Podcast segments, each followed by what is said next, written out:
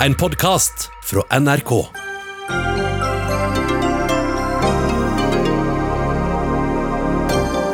Vi vil finne en løsning, sier sentralbanksjefen. I dag kom Stortinget med klare krav som kan påvirke Nicolai Tangens ansettelse som ny oljefondsjef. Regjeringa vil gi 21 millioner kroner til oljemessen i Stavanger. Det skaper reaksjoner. Unge demonstrerer i Thailand mot både militærstyret og en konge som får stadig større makt. Med tre fingre i været trosser de forbudet mot majestetsfornærmelser. Og KrF advarer skoler mot å kjøre elever for hardt for å ta igjen det tapte etter hjemmeskole. Gammeldags og oppkonstruert syn på læring, svarer regjeringspartner Høyre.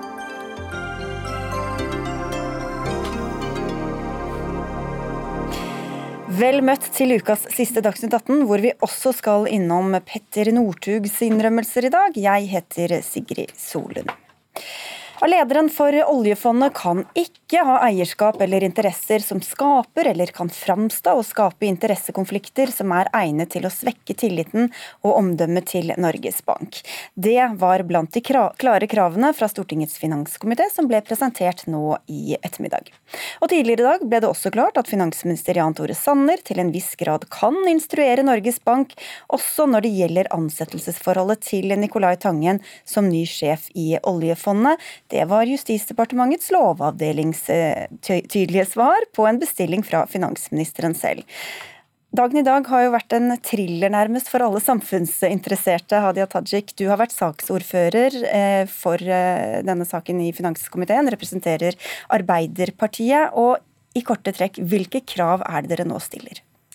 Altså, Finanskomiteen stiller seg jo uh, enstemmig bak uh, det vesentligste i kritikken fra representantskapet. Og så legger vi noen premisser. Altså Norges Banks representantskap. Ja. ja. Uh, og så legger vi noen premisser for de samtalene som finansministeren nå skal ha med, med Norges Bank sitt hovedstyre, som jo er de som er ansvarlig for ansettelsen av ny oljefondsjef. Og for det første så betyr det at Lederen for oljefondet kan ikke ha et eierskap eller interesser som skaper eller som kan fremstå og skape interessekonflikter som er egnet til å svekke tillit og omdømme til Norges Bank. Altså Det innebærer at han ikke kan ha det eierskapet som han har i dag? Altså Vi kan ikke gå inn i hvordan han organiserer eierskapet. Men det er klart at det har åpenbart ligget noen betingelser til grunn for ansettelsen som eh, må endres.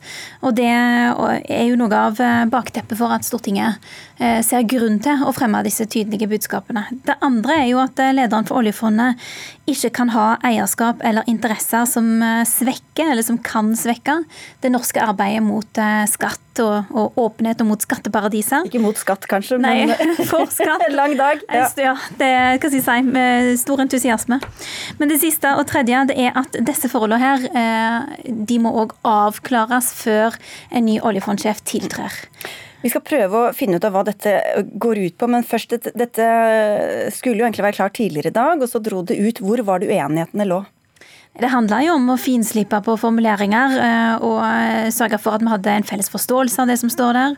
At vi kan stå sammen om dette her. Og jeg tror det har tjent prosessen veldig godt at det som i utgangspunktet har vært en enstemmig kritikk fra eh, tilsynsorganet til Stortinget, nå gjennom en grundig behandling på Stortinget og har nådd et punkt der vi kan stå sammen om disse konklusjonene og hva det skal bety for veien framover. Dere har sittet ganske stille i båten fra venstre side, Ola Elvestuen, stortingsrepresentant for Venstre. Hva eh, ved denne, det dere kom fram til i dag, gjorde at du kunne skrive ned på det, denne innstillingen? Jeg syns vi har vært aktive i komiteen for å finne fram til en løsning. Jeg tror det er veldig viktig at vi har klart å bli en enstemmig komité. Så det, det, det, er en tydelig bestilling om hvordan, eller at, Eh, hovedstyret må gjøre en jobb for å redusere det gapet som ble presentert med interessemotsetninger. Det ligger, eh, det ligger eh, i dette. Og så er det viktig også at vi, vi holder det formelle Eh, korrekt fra Stortingets side. At vi har nå forholdt oss til denne behandlingen ut fra det som er Stortingets rolle. Gir en tydelig forventning til eh, finansministeren i deres dialog med hovedstyret. Og så er det hovedstyrets oppgave å finne nå fram til den konkrete løsningen. Så jeg mener dette, Det har vært et veldig godt arbeid i komiteen. Jeg syns også at Stortinget nå har fulgt opp den kritikken fra representantskapet på en veldig god måte. Men Jeg skjønner at dere er opptatt av eh, det formelle her og ikke vil blande roller. Men kan det være noen annen utvei av det dere har vedtatt, enn at han, hvis han vil tiltre, selger seg ut av sine verdier i Aco Capitals? Det er det ikke vi som skal eh, definere. Vi har laget noen tydelige forventninger til finansministeren. Finansministeren må nå ta dette i sin dialog. Ja, hvis de sier at nei, han, blir, han, han, fortsetter å eie, hva sier Stortinget da? Hva sier nei, dere da? Vi, vi, får nå tilbakemeldinger igjen også fra representantskapet. Jeg syns ikke vi skal gå inn i, i den, eh, en vurdering av hva om, hvis, hva som skjer.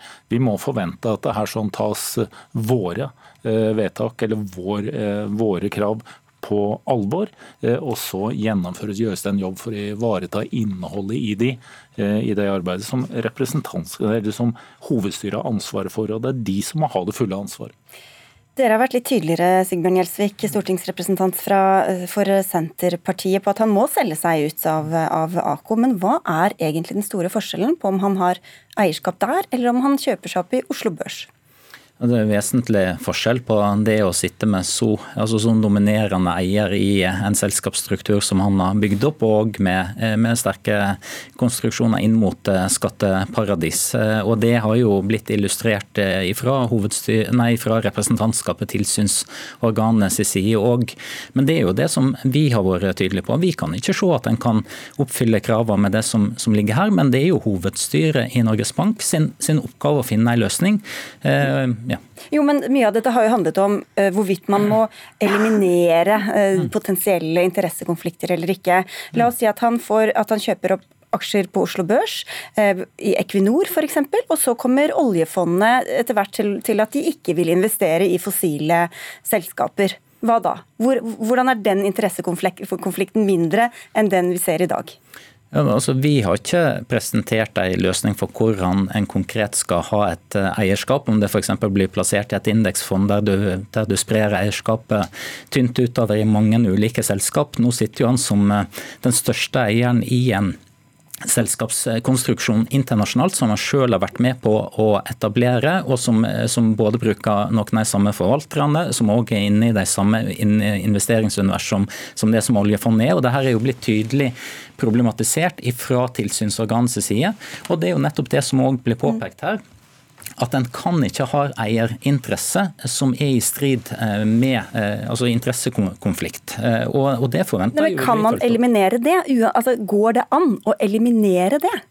Vi har sagt at en kan, altså Ikke bare vi, men også enstemmig, et enstemmig storting sier at en kan ikke ha eierskap eh, som er i, er interessekonflikt med de interessene som Norges Bank jo, men det, skal ha. Det tenkte scenarioet jeg dro fram, da. Er ikke det en interessekonflikt? Jo, jo, men altså, Det er jo ikke enhver tenkelig situasjon eh, der du kan, kan ha liksom, habilitetsspørsmål eller noe sånt, men det her handler jo om eh, altså, interessekonflikter mellom det arbeidet som oljefondet skal gjøre, og investeringer som de gjør, og det som som er eksempelvis et, i en selskapskonstruksjon som Aker skal huske at eh, oljefondet de investerer internasjonalt, og ikke på Oslo Børs eller i, eh, i selskap som er som er notert på, eh, på, Oslo Børs, de investerer i eh, utlandet. Eh, så, men, men, som sagt, vi har ikke skissert en konkret løsning for, for hva slags eierskap og eierskapskonstruksjoner som, som en sjef for oljefondet. Det overlater dere til andre. Jo, jo, men litt av poenget er jo at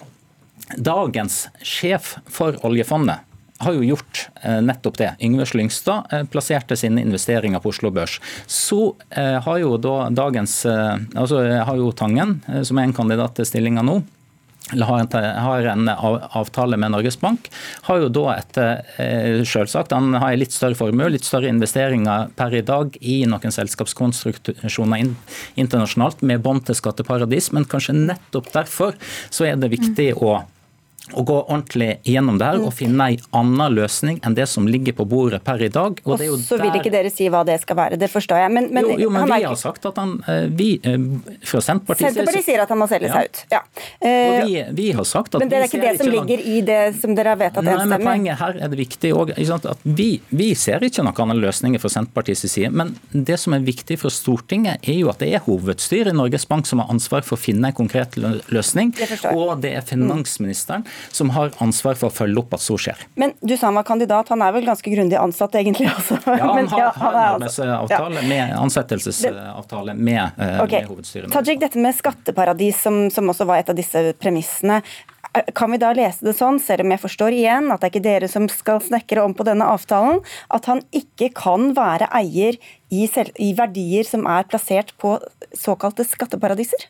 Altså, dette er jo noe av det som har skapt problemet her i utgangspunktet. Ikke bare at han har eierskap eh, i fond som blir forvalta eh, på det som eh, blir omtalt som skatteparadiser, men òg den manglende åpenheten omkring hva hovedstyret egentlig har gjort for å sjekke eh, at investeringene til den nye oljefondsjefen generelt er i tråd med de forventningene som vi har knytta til skatt og åpenhet. Og når man ikke har en gjennomsiktighet og etterprøvbarhet på hvordan eh, hans investeringer er i tråd med det norske arbeidet mot skatteparadiser, vel, da svekker det tilliten og omdømmet til Norges Bank på dette punktet. Så han kan ikke fortsette som i dag med det eierskapet? Altså, vi mener jo, og Litt av poenget med å komme til denne enigheten er jo å få til en forandring. Det er det tydelige signalet vi sender. Men jeg vil bare understreke én ting. At når vi stopper her og ikke går inn i hvordan han nå skal organisere det videre arbeidet, så handler det om rolleforståelse. Sånn det handler ikke om manglende vilje fra Stortinget om å gå inn i dette her. Jeg er sikker på om vi kunne brukt helgene, så kunne vi kommet med forslag til hvordan man skal organisere eierskap nei, interesser. er hvilke, hvilket handlingsrom som nå ligger, hva man kan gjøre og ikke kan gjøre ut fra det dere det har bestemt dere for. Det er et Veldig krystallklart budskap om at man kan ikke ha eierinteresser som er i strid med de interessene som oljefondet kan ha. Og der vil jeg bare si punktum. Sånn er det. Er det også sånn du tolker det, Elvestuen? Ja, Vi, ikke, vi kan ikke ha noe eierforhold som svekker omdømmet enn det arbeidet som eh, oljefondet og Norges Bank gjør overfor skatteparadiser. Og så kan ikke vi gå mer nøyaktig inn i hva det vil innebære. Det vi nå gjør, er at vi har gitt noen tydelige bestillinger. Og så er det eh, hovedstyret i Norges Bank som da må konkretisere hvordan dette skal følges opp. Eh, og det er som også Hadia Tadrik sier, at vi, vi kan ikke gå inn og finne den ene løsningen. Vi kan ikke gå inn og, og, og ta en rolle som ikke er Stortingets. Det vi er opptatt av, er at vi har, en, vi har fått et, et, brev fra representantskapet som, som, eh, som problematiserer det med med interessemotsetninger, om det er en interessekonflikt. og Det er den som nå adresseres. og Vi ber da om at det gjøres et jobb for å minimere det gapet som har blitt presentert for. Og Den jobben er jo allerede i gang, for finansministeren har allerede hatt et møte med sentralbanksjef eh, Øystein Olsen. Vi skal se om vi får med oss finansministeren om litt, og så skal vi takke av dere etter en eh, lang dag og mange dager i finanskomiteens eh, arbeid, og få inn to andre foreløpig. For det er altså slik at uh, en lang dags ferd mot en innstilling som stadig ble utsatt, snart er over. Så ble altså finanskomiteen enige med seg selv. Og Lars Nehru Sand, politisk kommentator i NRK. Det er mange ord og mye flisespikkeri her. Hva var det som var så vanskelig å bli enige om uh, for denne gjengen? Det var jo hvilke rammer man skulle sette for eierskapet til uh, Tangen, om man skulle nevne det, eller til den nye sjefen. Om man skulle nevne det eksplisitt og si at det, det ikke var uh, forenlig sånn som, uh, sånn som nå lå, eller om man skulle bruke mer si, generelle former for å konkludere fra komiteens side. Det vil si er jo at det Stortinget har gjort i dag, er i den ytterste enden av skalaen for hvor bastante de kunne være. Det er en, eh, en historisk dag for eh, historien om norsk statsforvaltning, det som har skjedd i dag, med det stortingsvedtaket vi nå eh, har, eller den innstillingen som er fra komiteen. Det er jo ikke vedtatt i Stortinget plenum ennå. Men, så, så dette, er, dette er forvaltningshistorie, rett og slett. Men Så var det dette ordet 'eliminere' som har vært veldig sentralt. Er det det de sier mellom linjene her, eller hva er det de egentlig Hvor, hvor, hvor tydelige er de? De har funnet en annen måte å, å komme seg rundt akkurat eliminere, som, som jo kan Altså potensielle de... interessekonflikter, ja. det som blir veldig intern sjargong her etter hvert. Beklager det. Nei, Nei det var det jeg som var feil i det. Det er helt riktig, men, men... Kom til saken nå, Lars Nehru Sand. Ja, ja, ja. Nå glemte jeg nesten resonnementet. Men eh, det, det, det, jeg skulle si, var at uh, man sier jo veldig tydelig hvilke premisser som skal gjelde uh, for at uh, ny oljefondsjef skal tiltre, og, og sette noen rammer for det, som er ganske tydelig, uh, istedenfor å bruke eliminere-ordet. Og dette kom jo da etter at også Lovavdelingen sa at Sanner hadde et større handlingsrom enn det han vel selv trodde på forhånd, Eva Grinde, kommentator i Dagens Næringsliv. Men hva slags handlingsrom har han nå egentlig, ut fra de kriteriene som finanskomiteen også har satt? Ja, Det er jo et langt skriv fra jurister, og det er jo aldri sjelden klokkeklart. Men det som er klart, i hvert fall, er at han har eh, Departementet har annen, et annet handlingsrom til å gå inn og mene noe om de generelle retningslinjene for forvaltningen av fondet. For det som lå, lå til grunn her, det var jo denne uttalelsen fra Arntzen de Beche som ble slaktet av Private advokatselskap. Ja, mm. eh, som jo for to-tre to, dager siden fastslo at eh, det ikke var noen instruksjonsmulighet for eh, Finansdepartementet. Men, eh, men den, den, den bygget jo på en idé om at sentralbanken er uavhengig, men så har du det ganske sånn kompliserte at den oljefonddelen av sentralbankvirksomheten er ikke, er ikke, underlagt den samme uavhengigheten. Sånn at eh, Derfor, eh, derfor så, så med, i denne nøye gjennomgangen fra Lovavdelingen, så, så, så syns jeg de argumenterte Det var hele veien tydelig at de ville fram til at jo, her har du mulighet til å både godsnakke og enda litt mer med, med sentralbanksjefen. Men, men hvis kriteriene skal oppfylles fra Stortingets krav, så er det ikke så stort handlingsrom til hva som kan ligge i den eh, Eller, altså, jeg, mener, jeg, tenker på hva, hva, slags handlingsrom man har i, i forhandlingene med, med Tangen, og om hvordan, hvordan, hvis han skal tiltre, hva, hva han kan eie og ikke. Nei, der, igjen så, så, blir det jo jeg, jeg, vet ikke helt hvor mye lenger de kom med, med dette kravet. fordi at Noe av nøtten her er jo at de rett og slett tolker forskjellig hva det vil si å eliminere risiko. Altså Banken, eh, eh, Så vidt jeg hørte Olsen eh, nå, nå nettopp, så sa han jo igjen at det må være opp til, til banken å vurdere hva som, som, ligger i det. Så hvis man sier dere skal eliminere all risiko, så, så kan man fortsatt risikere at, at, at banken sier ja, men det er jo det vi gjør. Vi er en litt forvirret gjeng her. Espen Henriksen, førsteamanuensis for Institutt for finans ved BI.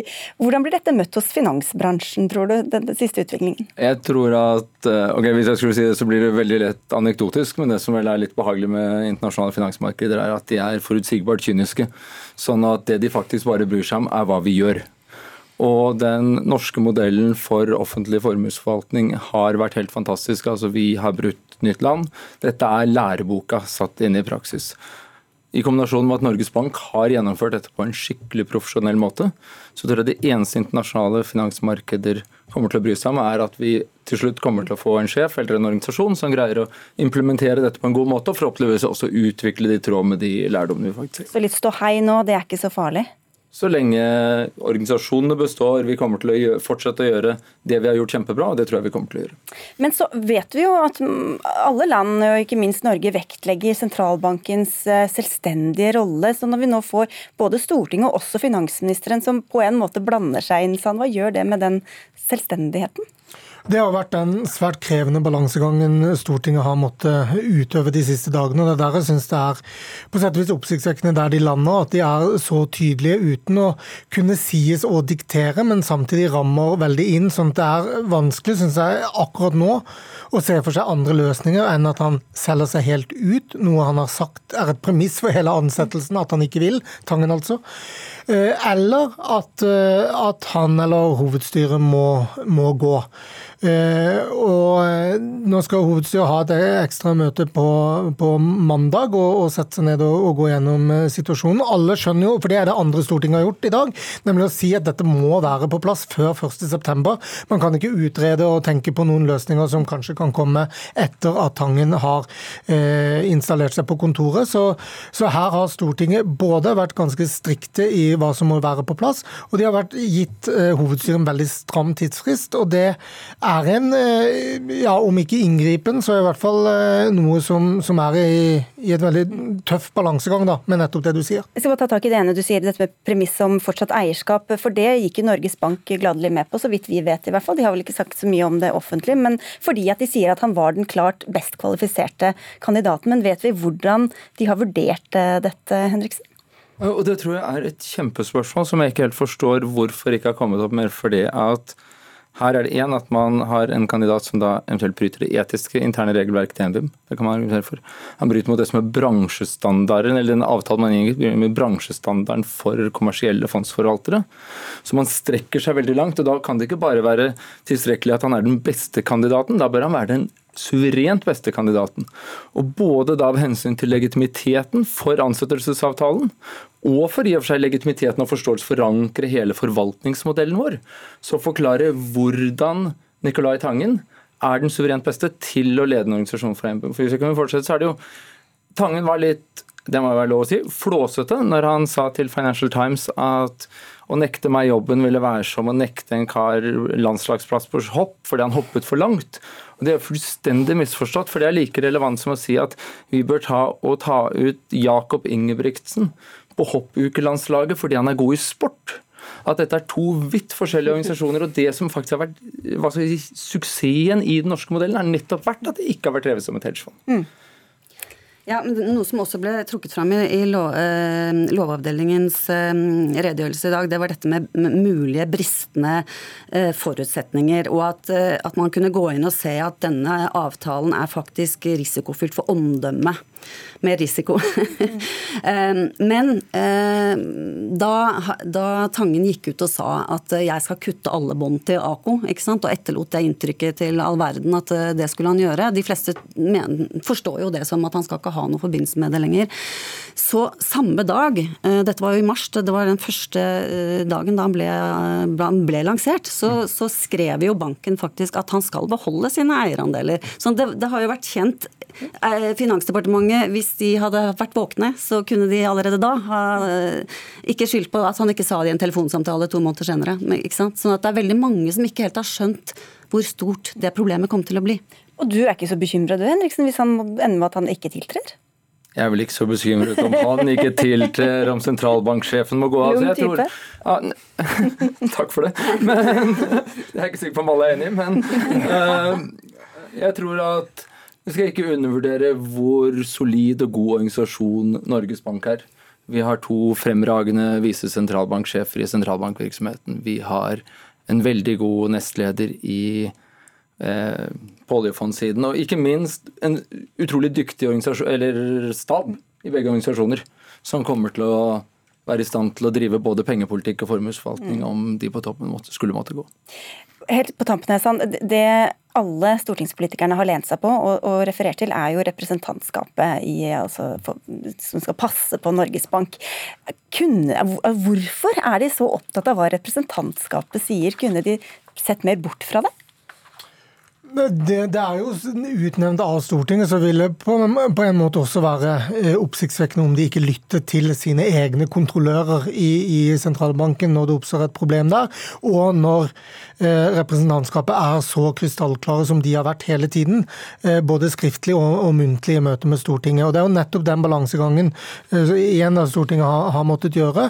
Og nå ligger jo ballen og presset hos hovedstyret i Norges Bank, eh, og for så vidt hos Tangen selv, da, som, som jo en Det er jo en X-faktor hva han måtte tenke og ville og mene gjennom helgen, men hvis ikke det er noe annet enn det er nå, så, så er presset på hovedstyret på, på, mandag. Og igjen, da. Timeglass og klokka tikker jo mot 1.9. Eh, det blir sikkert aktiv tenkevirksomhet gjennom helgen også. Takk skal dere ha alle tre. Vi skal se om vi får med Jan Tore Sanner etter hvert. Han driver fortsatt og holder på på pressekonferansen, eh, men vi takker av eh, dere i hvert fall, Lars Nehru Sand, Eva Grinde og Espen Henriksen fra BI.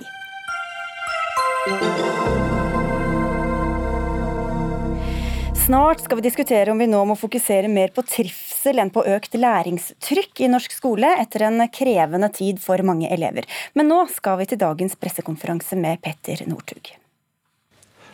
Jeg har et alvorlig rusproblem bestående av alkohol, narkotika og piller i forbindelse med periodevis hard festing.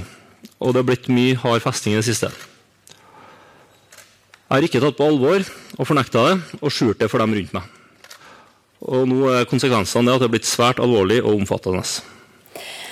Petter Northug innrømmet altså at han har et alvorlig rusproblem som gradvis oppsto etter at han la opp som toppidrettsutøver i 2018. Og nå har han takket ja til helsefaglig hjelp gjennom Olympiatoppen. Birger Løfaldli, sportskommentator i Adresseavisen. Hvorfor skal vi tro på deg nå? Det er tittelen du har på dagens kommentar i avisa di, og hva er ditt eget svar på ditt eget spørsmål? Nei, jeg har ikke noe svar på det. Eh, men må jo først si at eh, med det elendige utgangspunktet Petter Northug sjøl har eh, laga for seg før dagen i dag, så leverte han jo en veldig god forestilling. Altså, det er vanskelig å gjøre noe mye bedre enn det han gjorde i dag, og jeg tror han får stor sympati. Men samtidig eh, så er det viktig å ha historien med seg her. For seks år siden så satt Petter Northug omtrent i samme setting.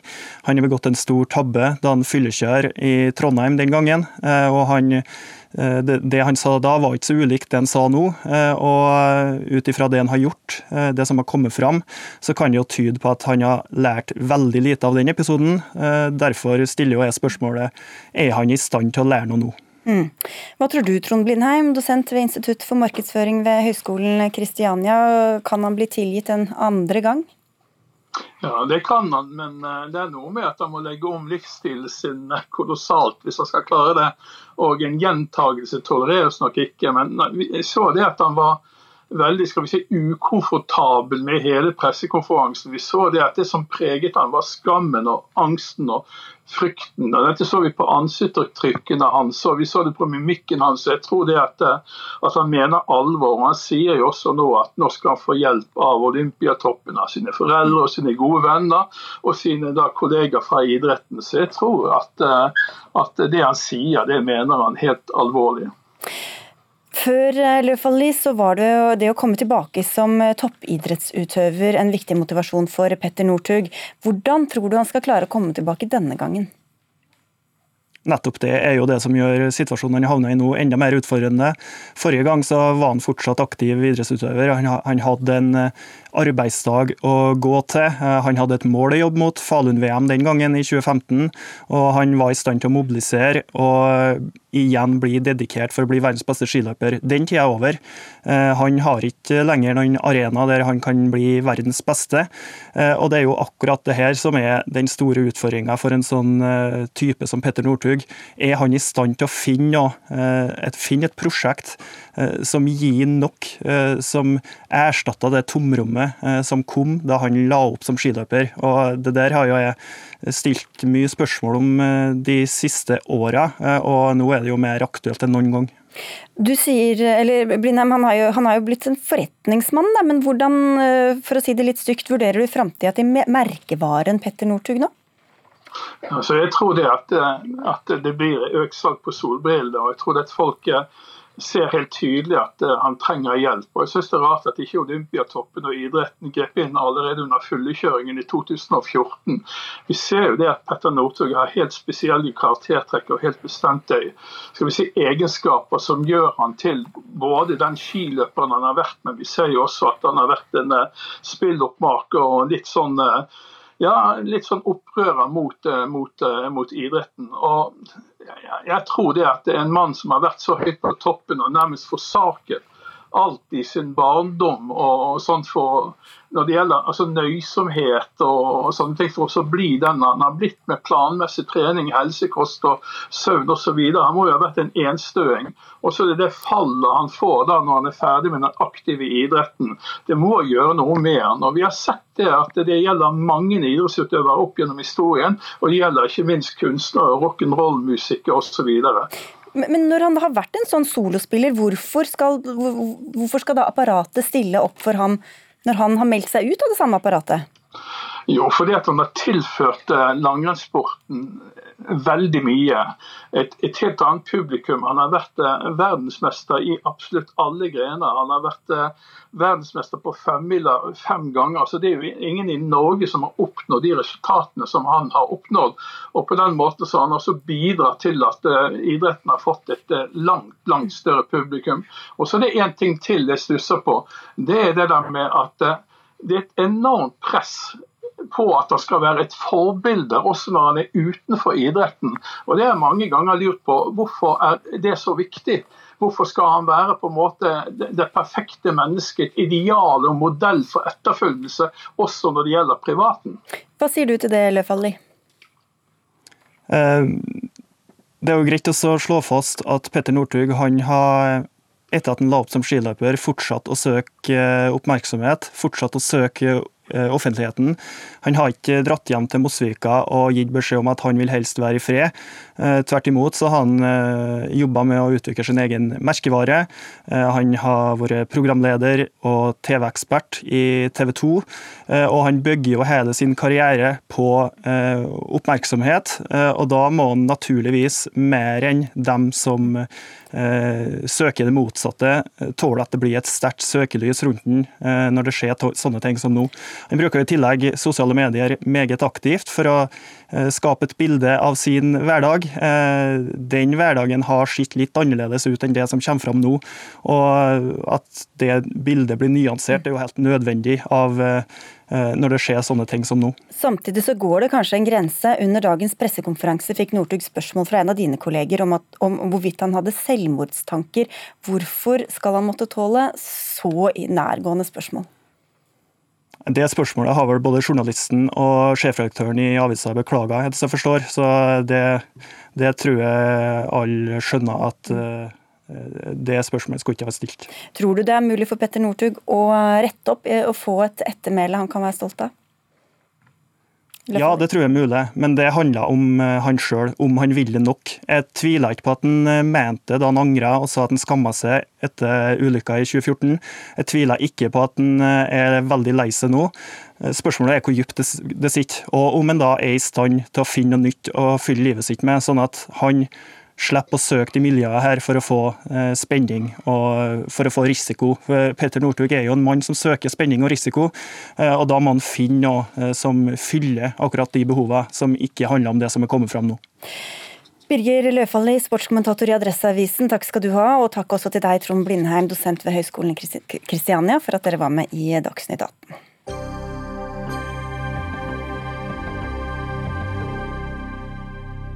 Jeg har lokket med finansminister Jan Tore Sanner tidligere i sendinga, men nå ser det ut til at vi ikke rekker å få ham med. Så dem av dere som vil høre hans eh, planer framover om eh, hva som skjer i ansettelsen av eh, Nicolai Tangen som ny oljefondsjef, får skru på Dagsrevyen om en halvtime. Så skal vi snakke om oljemessen i Stavanger, som måtte avlyses i år, som så mye annet, pga. smittefaren altså koronasmitten. Til gjengjeld får de krisehjelp på 21 millioner kroner fra regjeringa. Og dette er forskjellsbehandling, sier dere Silje Aske Lundberg, leder i Naturvernforbundet. Men hvem er det som blir forskjellsbehandlet her? Det er ganske mange, for å være helt ærlig. Altså for hvem andre er det enn oljemessa i, i Stavanger som kan få til å få 21 millioner kroner fra den norske stat fordi at de måtte Eh, avlyse konferansen sin. Eh, altså, her har vi hvor mange andre eh, varemesser er det som har fått det lignende, som også har falt utafor de støtteregimene som har kommet gjennom de krisepakkene? Hva med alle de eh, små bedriftene rundt omkring i landet som, som ikke kom inn under de krisepakkene, kanskje fordi de har hatt nyinvesteringer på begynnelsen av året i år, eh, eller hvis det er sesongbedrifter.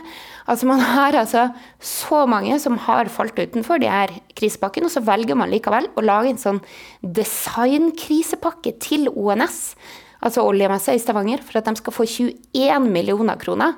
Altså Det er ikke til å fatte at norske politikere får seg til å gjøre sånne her vedtak. altså. Men det fikk dere, Tone Christian Tiller, du er statssekretær i Olje- og energidepartementet. og Hvorfor får akkurat oljemessen 21 millioner kroner? Det er jo som, som du innleda med, og ganske enkelt sånn at det er jo statens forbud mot å ha messe, konferanse, den type næringsvirksomhet, konsert, seminar, steder der vi samles mye mennesker. Det var ikke mulig å gjøre i år. Dermed så måtte messa avlyses. Eh, og så ble det etter hvert klart at eh, pga. Eh, det at de er en stiftelse og diverse sånne teknikaliteter, så falt ikke de inn under de støtteordningene, de brede støtteordningene, kontantstøtteordningene osv. Som, som regjeringa og et bredt flertall i Stortinget har stilt seg bak for å, for å hjelpe næringslivet. De, de ble ikke dekket av de ordningene. og da har vi vurdert oss fram til at det er riktig at staten deltar sammen med andre aktører, inkludert stiftelsen sjøl, kommunen, næringsliv, for å berge det som er en veldig veldig viktig messe for Norge. Og jeg vet at eh, Silja Rundberg og Naturvernforbundet ikke er petroleumsnæringas største fans, men det her er altså en utrolig viktig messe for den næringa og for den brede energinæringa. Men, men, jeg vil jo tro at det er et system her, at dere ikke bare går inn og plukker forskjellige stiftelser og messer som skal få. Hva, hvilket system er det dere har gått etter? Er det sånn at alle stiftelser nå har fått penger? Ja, Det kan ikke jeg svare på eh, fra Nei, Har dere hatt en særbehandling av denne ene oljemessa? Nei, jeg vet ikke om det er riktig å si at det er noen særbehandling, men her har jo Behandlet for seg, da? Ja, altså Vi har jo gått inn i, i, konkret og vurdert om det er riktig at de kan få en støtte. Vi har vurdert oss fram til at det er en messe som er veldig viktig for uh, næringa, og ikke bare petroleumsnæringa, men for fornybarnæringa, for uh, nye grønne arbeidsplasser i Norge. Veldig viktig for Stavanger, for hele regionen. Og viktig for Norge, egentlig. Dette er en av egentlig få messer som er virkelig internasjonalt kaliber over. De har 70 000 eh, besøkende og skaper store verdier og store ringvirkninger for også Stavanger-regionen. Så vi har vurdert at det er riktig. Men så er det også sånn at Men bare for å ta det med Stavanger, for kultur. Kulturhuset Folken i Stavanger, som også er en stiftelse, har fått 240 000 kroner. De sier til Klassekampen at de opplever det som urettferdig. Hvorfor er det så stor forskjell på oljebransjen, som da trenger penger, og kulturbransjen, som ikke trenger så mye penger, ifølge dere. Nå tror jeg det er andre departementer, Olje- og energidepartementet, som er best egnet til å svare på alle støtteordningene som kulturlivet har fått, men jeg registrerer jo at de har vært kraftfulle pakker retta inn også mot kulturlivet. Og jeg mener jeg registrerte at også denne uka så kom det nye midler til kultursektoren. Så, så her er det snakk om å, å, å, stille opp, og staten som én aktør stiller opp sammen med andre for å berge en messe som er viktig for Norge, eh, for norsk næringsliv. Eh, og for en næring som er veldig viktig for, eh, for Norge. Og Lundberg, Hvilke andre arrangementer er det egentlig som kan sammenlignes med dette, mener dere? Altså, du har jo en annen messe også som skjer annethvert år, Eliaden. Eh, som også er det Norges største varemesse. Som man måtte utsette til neste år. Som også skjer eh, akkurat sånn som oljemessa annethvert år. Eh, altså, ikke sant? Og det er jo det som er problemet her. Og så hører jeg til og sier at nei, det er ikke nødvendigvis en forskjellsbehandling eller en særbehandling, men de valgte seg det. Og det er det som er utfordringa. At med en gang du kan på en måte skilte med at det er et eller annet med olje, og det er viktig for Norge, da blar norske politikere politikere opp, og så får man sånne her særordninger. Eh, og det er jo, For det er jo nettopp det. Du kan ikke se at det, da man ga støtta til oljemessa i Stavanger, så er det spesifikt til oljemessa i Stavanger.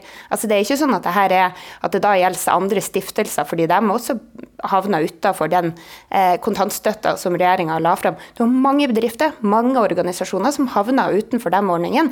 Men det betyr ikke at politikerne kommer på en måte eh, og får dem inn på, på, i krisepakken med 21 eh, millioner i særbehandling mm. til dem. Men Hvis de får særbehandling, så er det kanskje fordi de står i en særstilling, da. Og det er jo en messe som, som ble nevnt her også, handler om satsing på fornybar energi, på omstilling. Hvorfor er det ikke viktig å holde dem i live for å ha dette som en viktig møteplass for hele energisektoren? Altså, Oljemesse i Stavanger er oljemesse i Stavanger. Og så er det greit at de de siste årene har forsøkt å ha litt sånn ulike temaer med litt sånn eh, Hva skal vi si Prøve å følge med i tiden. Men det er, nu, det er oljemesse fortsatt. Og det at på en måte at staten skal bruke fellesskapets midler på å, å gå inn med 21 millioner til en, til en messe. Altså jeg, jeg var litt sånn av og til så virker det som at norske politikere har sett seg helt blind på den pengesekken det de styrer, og tenker at man kan kaste pengene den ene og den andre veien. Eh, fordi så lenge det handler om olja, da er det liksom greit. Men hvis man ser på alle de krisepakkene som har kommet fra regjeringa, nå hadde man jo engang sjansen til å faktisk ha en grønn omstilling, og til å faktisk greie å få det her landet også videre, og til å få næringen vår videre og få industrien vår videre, så er det kun det, det 2 litt... Det er kun 2 av alle okay, Vi tar, vi tar, ikke, vi tar ikke hele den debatten, tidligere. Ja, da blir det lang debatt. Nei, altså, jeg vet ikke, jeg har ikke lyst til å bli med på sånn eh, gjørmebryting uh, med sånn karakteristikk av hva det ene eller det andre, men uh, altså, Er det det hun driver med, mener du? Gjørmebryting? Ja, altså, det, var, altså, det kommer noen, noen karakteristikker her som er litt sånn I hvert fall litt forenklinger, da. Jeg, jeg vil si altså Eh, og får gjerne ta den diskusjonen også med stiftelsen sjøl, men det er jo helt soleklart at det her er en veldig, veldig viktig messe. Jo, men Spørsmålet er vel ikke om det er en viktig messe, men om hvorfor de skal få en behandling som andre ikke får. At dere går inn og sier at dette skal få. Ja, altså ikke har objektive kriterier for hvem som skal søke. Riktig. Vi har jo stilt opp, og regjeringa har stilt opp, og Stortinget har stilt opp. norske politikere Men det er jo ingen kriterier som ligger til grunn for den støtten som ONS nå får. Det er en støtte som blir gitt til oljemessa i Stavanger. Det er ikke på bakgrunn av en sett med kriterier. Og så har man valgt ut da på bakgrunn fordi at vi så at de her messen, de her ulike konferansene og arrangementene ikke fikk støtte. Da har vi stilt opp de her settene med kriterier, sånn at vi kan bøte på det. Det er jo ikke det som er gjort her. Jo, men vi har jo gått inn i denne konkrete saken. I denne konkrete de, saken? Ja, fordi at de falt litt inn under de andre ordningene som vi har etablert, for å hjelpe annet næringsliv kultur sammenlignet med det du måtte ønske. da. Men, men, og så kan jeg også få legge til da, at det var også en annen messe her, uh, Dyrskuen, som også fikk en, uh, en støtte i, i, den samme runden. Men dette skjer jo samtidig som mange vanlige folk, for å bruke det begrepet, går og venter på å få sine rettmessige utbetalinger. Og dette er altså en bransje som jo tross alt har ganske god råd fortsatt.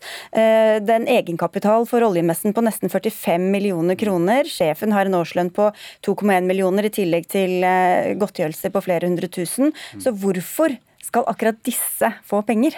Nei, altså Det blir jo for å gjenta meg sjøl, men ja. at vi skal skille mellom oljenæringa som per se og, og, det å være arrangør av en messe annethvert år og oppleve at du ikke får lov til å, å gjennomføre det du, du, du, du eksisterer for å gjøre. Eh, og så har vi da funnet en løsning, lagt fram en løsning. Vi foreslår og mener det er riktig at de får den støtten. Og det, det, er selvfølgelig også sånn at Stiftelsen sjøl skal tære på sin egen egenkapital.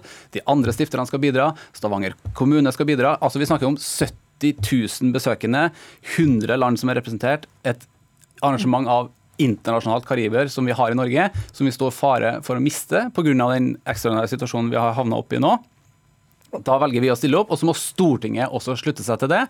Eh, og så skjønner jeg at det er vondt og vanskelig for Naturvernforbundet at, at, man også stiller opp for det som, som fortsatt er blant landets aller viktigste næringer, men det mener vi er en helt riktig beslutning, og det, det står vi for. Skal du få avslutte, herre Lundberg? Det, skal, det har jo ikke akkurat mangla på at regjeringa eller Stortinget har stilt opp for olje- og gassnæringa i denne perioden. Man har jo slengt milliardene etter dem. Eh, sånn at det er det vel ingen som er Jeg tror ikke de er helt enig i den beskrivelsen. Nei, men hvis du ser på den siste oljekrisepakka, så var det jo det man gjorde, da. Eh, og det er jo det som er utfordringa her. at nå når man, når man, når man da ja, men, Vi tar gjerne den. En av gangen, en av gangen. Du skal få avslutte også, Lundberg. Med, ei oljemesse eh, så er det altså ikke å, å skulle mene på ramme alvor at det er den riktige prioriteringa av penger i 2020, eh, og også når vi jo allerede har brukt så mange av dem. Har du sagt. Det synes jeg. jeg er helt sikker på at du også, Silje, er velkommen til oljemessa neste gang. Jeg har vært der, har ikke noe behov for å dra igjen, men takk for det. Det er noe mer enn bare en oljemesse. Det var eh, klart nei takk fra Silje Ask Lundberg til deg, Tone Christian Tone, høres ut som jeg sier, men jeg sier Tony Christian Tiller, statssekretær i Olje- og energidepartementet.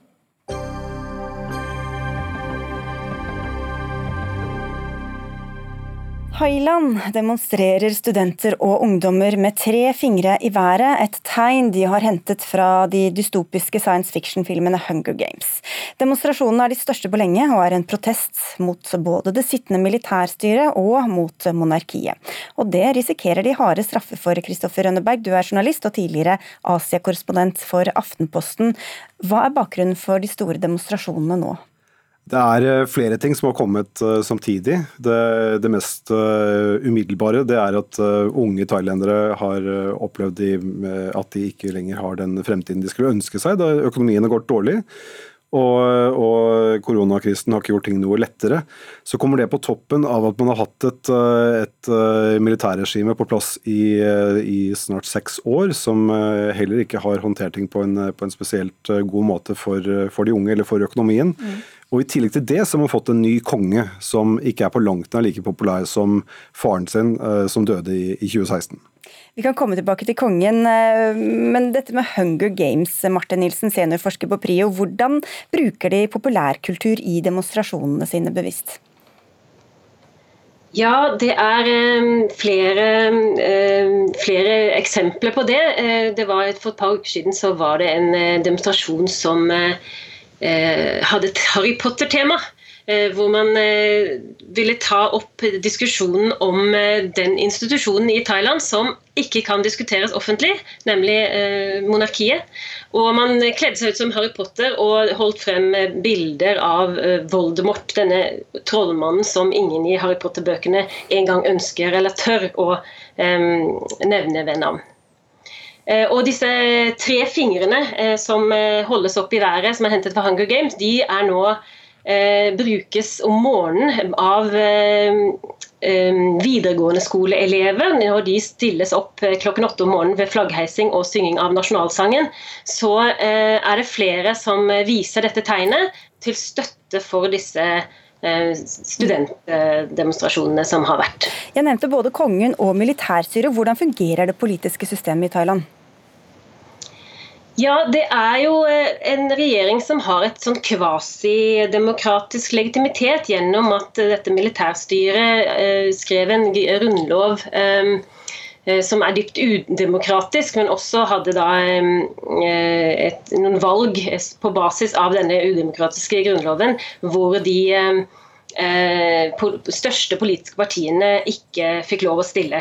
Sånn at Det er en, et autoritært styre, og kongehuset har hatt eh, veldig stor politisk makt i Thailand, fordi eh, den forrige kongen, som Kristoffer nevnte, var den stabiliserende faktoren i, eh, i thailandsk politikk i over 70 år, når han sitter på tronen. og det var mye uformell makt knyttet til kongehuset. Og Den uformelle makten har nå sittende konge i større grad forsøkt å formalisere. Han eh, har personlig kontroll over flere um, militære enheter eh, basert i Bangkok. Og han har også har fått personlig kontroll over det kongelige eiendomsbyrået, mm. som er verdt mer enn 30 milliarder dollar. Eh, og det er disse tingene, altså En reform eh, av eh, forholdet mellom kongehus, politikk og militære som noen av studentene nå krever en offentlig debatt om. Det er ikke snakk om å avskaffe kongehuset, men det er snakk om å, um, å ha en tydelig debatt om hvilken rolle det skal ha. Og det, det er veldig vanskelig i Thailand i dag, fordi det er forbudt ved, lov. Ja, Det var det jeg skulle spørre deg om nå, Kristoffer Rønberg. Hva er det de risikerer ved å gå ut og demonstrere? I, I, Thailand så har man jo hatt mange forskjellige regimer opp gjennom eh, de siste 100 årene. og de har, eh, For hvert kupp så kommer det en ny grunnlov. Det har faktisk kommet flere nye grunnlover enn det har vært nye militærregimer. 19 stykker. Alle sammen begynner med det samme punktet om at kongen er den fremste lederen og nærmest i en slags gudelignende posisjon i, i det thailandske samfunnet. Så har man i tillegg en paragraf i straffeloven som gjør det umulig, ulovlig å kritisere eller fornærme kongen. Og Denne har kongen selv, altså den nåværende kongen, brukt eh, bl.a. mot sine svigerforeldre. De ble arrestert etter at eh, hans daværende kone ikke lenger eh, var det. Og det er også brukt mot utenlandske turister som har, som har, vandalisert plakater av kongen. Så man kan, nesten uavhengig av hva det er, så kan det tolkes som en fornærmelse av kongen, og da kan man bruke det i henhold til den paragrafen i, i straffeloven. Og da er det ikke noe mild straff som venter dem, eller? Da er det opptil 15 års eh, fengsel. Nå, nå har riktignok uh, kongen sagt at uh, dette er noe som han ikke ønsker at myndighetene skal følge, men, eller, eller, ta hensyn til når de når de, altså i, i demonstrasjoner nå f.eks. Men vi ser også at en av de som er arrestert etter demonstrasjonene, risikerer å bli tiltalt etter denne paragrafen i straffeloven. Takk skal dere ha begge to, Kristoffer Rønneberg fra Aftenposten og Martin Nilsen fra Prio for at dere var med i Dagsnytt 18.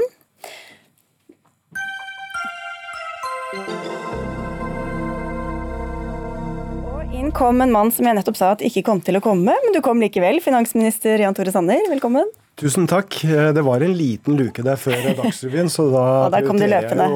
Å, det liker vi. Men du har altså vært i et møte med, eh, med sentralbanksjef Øystein Olsen eh, etter at dere da fikk denne, dette skrivet fra finanskomiteen på Stortinget om at her må det gjøres noe. Og ut fra disse kriteriene som finanskomiteen har satt opp, hva kan du gjøre? Det er eh, hovedstyret i Norges Bank eh, som nå har ansvaret for å finne, finne, løsninger. Stortinget har både uttrykt noen tydelige bekymringer, eh, men også noen klare forventninger om hva den løsningen skal, skal være. Men det er hovedstyrets ansvar. Og jeg hadde møte med sentralbanksjefen i dag. Det var mitt initiativ å ha denne dialogen. Og jeg oppfatter en klar vilje Eh, i eh, hovedstyret og hos sentralbanksjefen eh, til å finne, finne, løsninger. Og Det er det jeg er opptatt av, opptatt av, nå. Nå har det vært diskusjon gjennom måneder. Nå må vi komme inn i, en, inn i en periode hvor vi finner løsninger, for dette handler om omdømme og den allmenne tilliten til Norges Bank. Er den svekket nå? Det er klart at Den situasjonen vi har vært inne i, for det er en alvorlig eh, situasjon, den påvirker omdømmet og, og, tilliten. og Så skal ikke jeg opphøye meg til å, å si om det, om det har gått, gått, nedover. Men det er ingen tvil om at denne diskusjonen den påvirker omdømmet og allmenne tilliten til, til, Norges Bank. Og Det er den vi må sikre. Eh, og det er den forventningen jeg har vært veldig tydelig på til sentralbanksjefen i dag. At det er hovedstyrets ansvar å nå finne løsninger. Men du sier at disse løsningene, hva kan de praktiske løsningene løsningene være, gitt de rammene som, gitt, som kommer fra finanskomiteen på Stortinget? Ja, Nå har uh, i hvert fall et flertall i, uh, i finanskomiteen uh, uttalt at det er et handlingsrom her. Det er ikke slik at finanskomiteen har sagt akkurat hva som må være konsekvensen av, av disse føringene.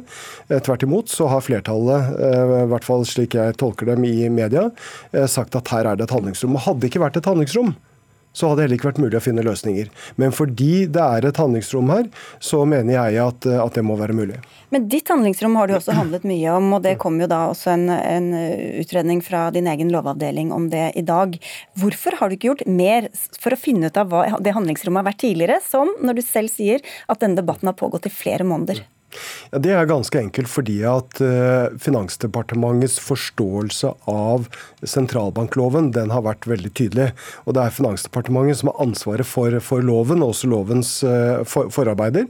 Og Forståelsen har vært veldig klar, nemlig at eneansvaret har ligget i, i, hovedstyret. Og at det har vært veldig regulert hva som skal være kontakten mellom Finansdepartementet og hovedstyret. Eh, og da har jeg forholdt meg til det, selvsagt. Eh, men jeg har jo da registrert at uh, ulike jurister har sagt at handlingsrommet er større. Mm. Og da var det helt avgjørende for meg å få en avklaring på det.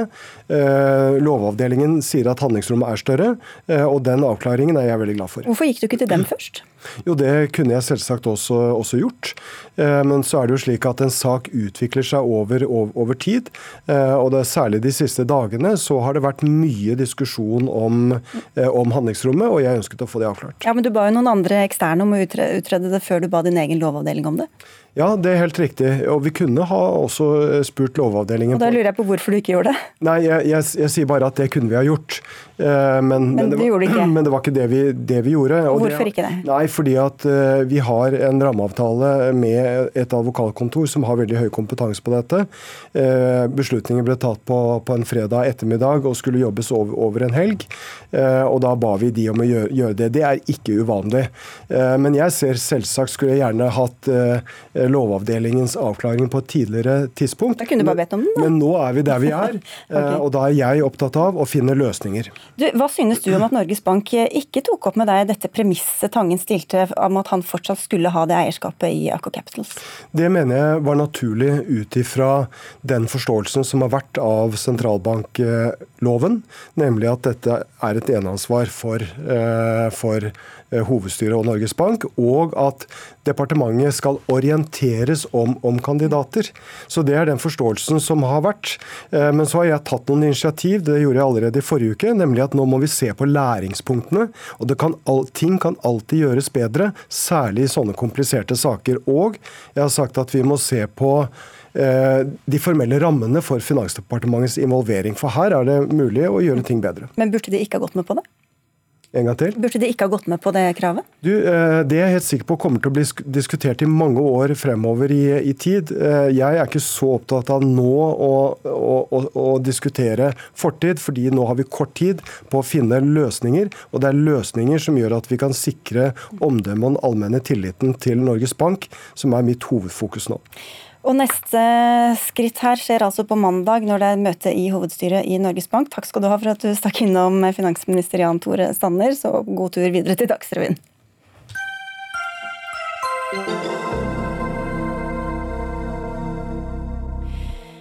Seks av ti elever mener de lærte mindre i tida med hjemmeskole. Det siste vi trenger er økt læringstrykk for å ta igjen det tapte, sier eh, KrFs Hans Fredrik Røvan til VG.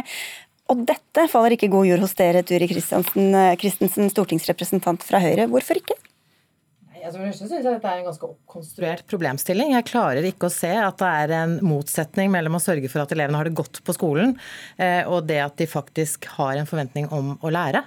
Og så syns jeg det er eh, egentlig et litt gammeldags syn på læring. Altså det at et læringstrykk skal være noe negativt. Det er jo ikke det. Det er jo rett og slett at man skal ha fokus på at elevene lærer og har den progresjonen de skal. Og barn vil lære. De som kommer til første klasse nå, de står og tripper ved skoleporten og er kjempeklare.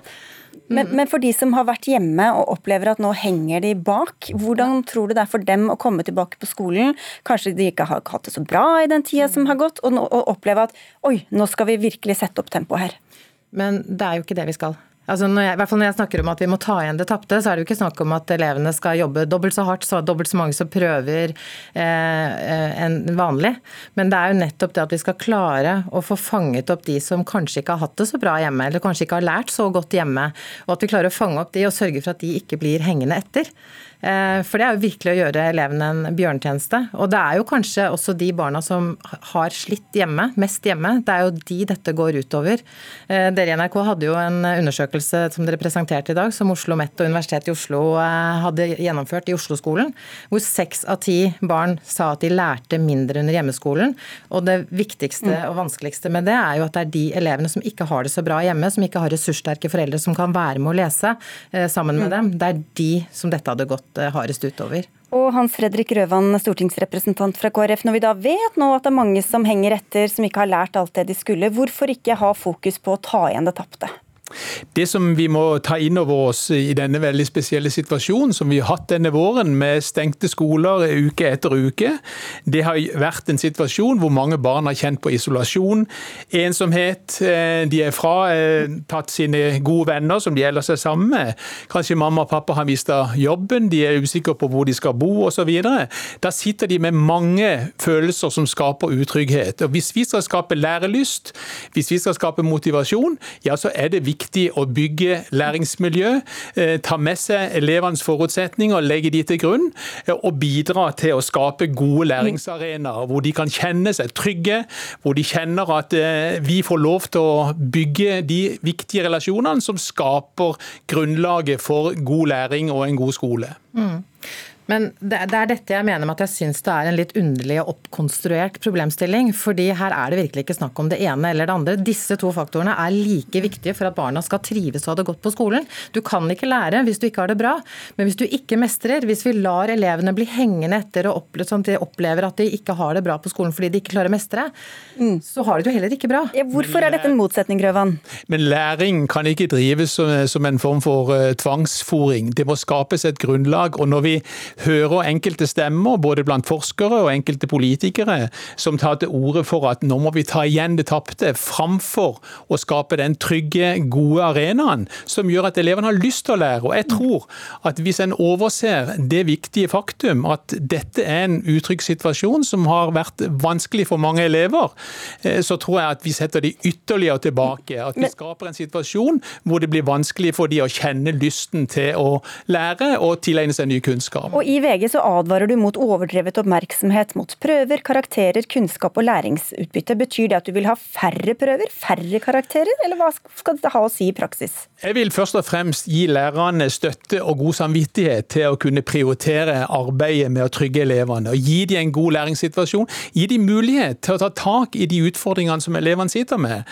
Eh, og Så må en tilpasse dette hver enkelt elev, men det er viktig at vi nå legger grunnlaget og ikke presser på med økt læringsstress, eh, si at nå skal vi ta igjen det tapte, men skape den roen og den atmosfæren rundt læringssituasjonen, sånn at elevene får lyst. Og Vi har også fått et nytt tverrfaglig tema i skolen i dag, som heter eh, livsmestring, som nettopp gir muligheten for, mm. for dette. La oss okay, la dem, la dem liksom få pustet ut litt, Christensen. Altså, når man snakker om å tvangsfòre elevene med læring, det er dette jeg kaller et gammeldags læringssyn. Læring er en positiv ting for elevene. Og skal elevene ha god læring, så fordrer det god kontakt med læreren. Eh, og igjen, dette går utover de som trenger det aller mest. Det er ikke snakk om å tvangsfòre, det er snakk om å ha en god situasjon hvor man fanger opp lærerne. Og det er, det er det jeg mener er skolens viktigste oppgave. Det er å skape sosial utjevning og god trivsel for god læring. Dette skal dere få diskutere videre på Stortinget. Takk skal dere ha begge to, Hans Fredrik Grøvan fra KrF og Turi Christensen fra Høyre. Dagsnytt 18 er over for eh, denne gang. Vi ønsker god helg. Dag Dørum, Hanne Lunås Sigrid Solund.